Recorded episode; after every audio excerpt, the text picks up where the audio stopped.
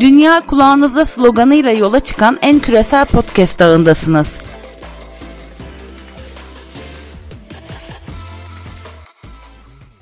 İngiltere Pod'un 3. bölümünden herkese merhabalar. İngiltere yine yoğun bir haftayı geride bıraktı. Gündemimiz epey yoğundu. Koronavirüs, uluslararası ilişkiler, istihbarat derken bize yine konuşacak konular çıkan vakit kaybetmeden başlayalım. İngiltere istihbaratı MI5 ve MI6 ile alakalı bir haber var. Bugün epey konuşuldu. İstihbarat teşkilatı epey eleştiri odağı haline geldi. Bunun da sebebi İngiltere İstihbarat Teşkilatı Suudi Arabistan'a, Birleşik Arap Emirlikleri'ne, Mısır'a, Ürdün'e, Umman'a, Kamerun'a, Cezayir'e bunların istihbaratçılarının içerisinde olduğu bir gruba istihbarat eğitimi verdi. 2019'da verilmiş bu eğitim. Şimdi insanlar, medya, gazeteciler şu eleştiriyi yöneltiyor İngiltere istihbaratına. Bu baskıcı, totaliter, diktatör rejimlerin istihbarat örgütlerini eğitmek bize ne fayda sağlayacak? Oradaki toplumlara ne fayda sağlayacak? Bu onları daha baskıcı, daha şiddetçi hale getirmeyecek edecek mi? İnsanları daha fazla sindirmeyecekler mi? gibi soruları gündeme getiriyorlar. Bu da İngiltere istihbaratının ya da İngiltere yönetiminin cevaplaması gereken bir soru olarak duracak gibi görünüyor. Ama cevaplanır mı onu da bilemiyorum. Ondan da pek emin değilim. İkinci gündem maddemiz İngiltere ile Çin arasında tırmanan gerilim. Bunun birçok yönü var. Görünen sebebi Doğu Türkistan'daki soydaşlarımıza Çin'in uyguladığı zulmü İngiltere dünya gündemine getirdi getirdi. Bununla birlikte bir takım yaptırımlar uygulamaya başladı. Amerika'nın, Kanada'nın, Avustralya'nın arkasından. Şimdi bu yaptırımlara bir yenisi ekleniyor. İngiltere, Çin'in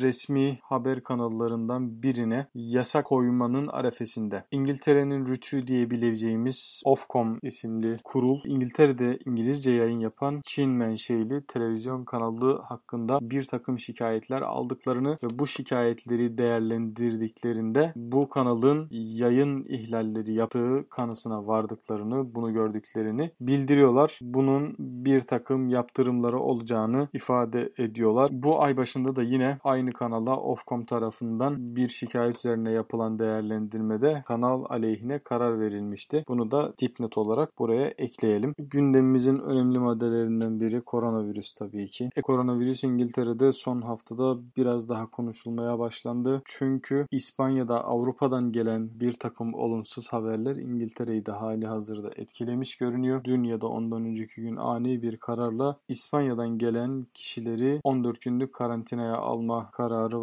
verdiler. İspanya daha öncesinde turizm sezonunun da başlamasıyla birlikte karantina gerektiren bölgeler listesinin dışarısına çıkarılmıştı. Böylelikle İspanya'ya gidip gelen turistler İngiltere'ye dönüşlerinde 14 gün karantinada kalmak zorunda kalmayacaklardı. Ama ani bir kararla İspanya'da vaka sayılarının radikal bir şekilde tekrardan artışa geçmesiyle birlikte İngiltere ikinci dalganın meydana gelmemesi için ikinci dalga korkusuyla böyle bir karar aldı. Hatta kararı açıklayan bakanlardan Dominic Raab bu karar turistleri üzmüş olabilir ama bunun için özür dileyecek değiliz. Çünkü biz halkımızın iyiliği için böyle bir kararı almak durumundayız ve aldık ifadelerini kullandı kesin bir dille. İspanya'dan gelen turistlere ya da İspanya'ya gidip gelen İngiliz vatandaşlarına karantina uygulanacak dün itibariyle başladı. Bunun dışında İngiltere ekonomisi koronavirüsten olumsuz etkileniyor ve bu geçen haftalarda da konuşmuştuk bunu. Bu günlerde iyice iyiden iyiye ortaya çıkıyor. İngiltere hükümetinin piyasayı, restoranları, yemek sektörünü canlandırmak için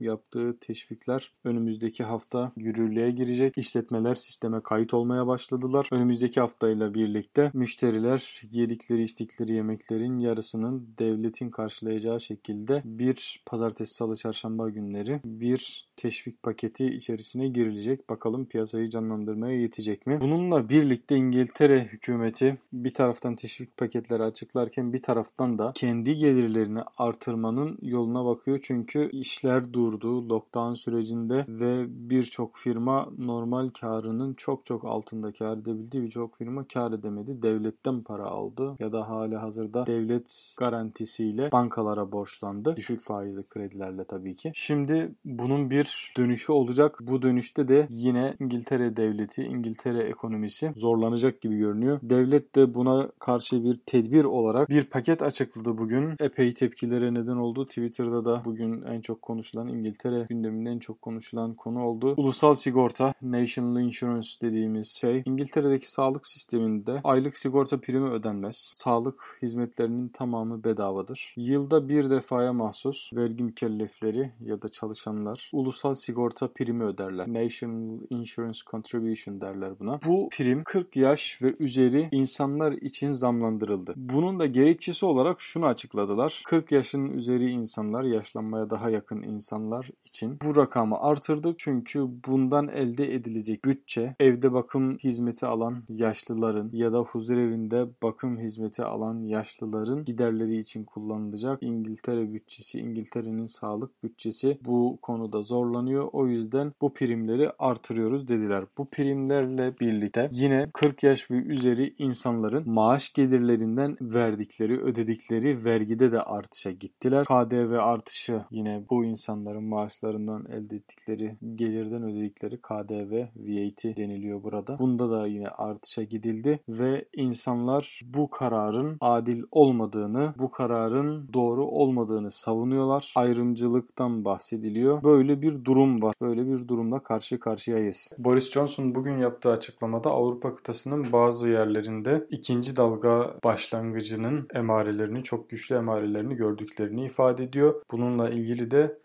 İngiltere'yi ikinci dalganın etkisinden korumak ve kurtarmak için gerekli adımları atacaklarını, bu adımları atarken hiç tereddüt etmeyeceklerini bugün ifade etti. Bununla birlikte İngiltere'de ekonomiyi canlandırmak için bir takım adımlar atılıyor. İnşaat sektörüne verilen teşvikler, inşaat sektörün sektörüyle birlikte piyasayı canlandırmak için e, atılan bir takım adımlar var. Bunları da e, bunların başında geçen ay açıklanan okullar ve hastaneler yaptırarak ülkede hem eğitime hem sağlığa hem de iç piyasaya katkıda bulunacaklarını söylemişti Boris Johnson. Da Boris Johnson'un ekonomiyi sadece inşaata yasladığı eleştirileri geliyordu. Bu bize çok yabancı olan bir konu değil. Türkiye Türkiye'de de son 15 14-15 yıldır belki biraz daha eski ekonominin temel lokomotifinin inşaat olduğunu biliyoruz. Tabi İngiltere'de durum farklı. İngiltere çok daha büyük bir ekonomi ve dünyada finans e, sektörünün en önemli iki merkezinden biri. Ama bu finans sektöründe dönen para İngiltere'deki e, halkın cebine girmiyor tabii ki. Büyük milyarderler multimilyarderler bu parayı döndürüyor. İngiltere halkının cebine girecek olan para ise piyasada dönen para veya devletin verdiği yardımlar, ev yardımları, çocuk yardımları ya da işsiz maaşlı işsizlik maaşları. Bu gibi şeyler İngiltere'de yaşayan 65-66 milyon insanı ilgilendiren kısım.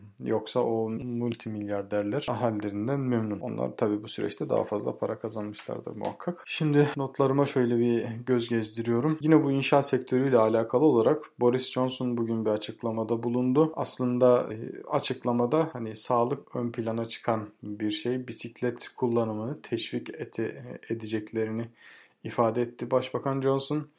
Bununla alakalı e, yeni bisiklet yolları, yeni altyapı yatırımları yapılacağını ifade etti. Bu da yine inşaat sektörünü canlandırmak için yapılan bir şey. İnşaat sektörü sadece inşaat sektörü olarak kalmıyor tabii ki. Bu sektörde çalışan insanlar çevrelerinde bulundukları, çalıştıkları yerdeki esnafı da kalkındırıyorlar. Bu esnafın ailesi var, bu arada çalışanlar var, bunların aileleri var. Bir yerden piyasaya para enjekte edilince bundan herkes faydalanıyor. Bir yer domino e, taşı gibi bir yer çıkarıldığında da tüm piyasa olumsuz etkileniyor. Bugün yine ekonominin dinamikleriyle alakalı önemli bir gelişme var. Olumsuz bir gelişme. British Airways İngiltere'nin bayrak taşıyıcı havayolu firması bütün dünyada olduğu gibi koronavirüs pandemisinden etkilenen sektörlerin başında havacılık geliyor. British Airways de bundan son derece olumsuz etkilenmiş durumda ve 37 bin çalışanını işten çıkarmayı planlıyor, işten çıkarmayı hedefliyor. 7 Ağustos'ta bu çalışanların iş akitlerine son verilmesi planlanıyor. Bu da çok büyük bir krizi beraberinde getirecektir tabii ki. Bir anda işsiz kalan 37 bin insan ve bunların aileleri bundan etkilenecek. İşsizlik maaşına başvurursa devlet ödeyecek ama bu çalışanlar içlerinde 25 yıldır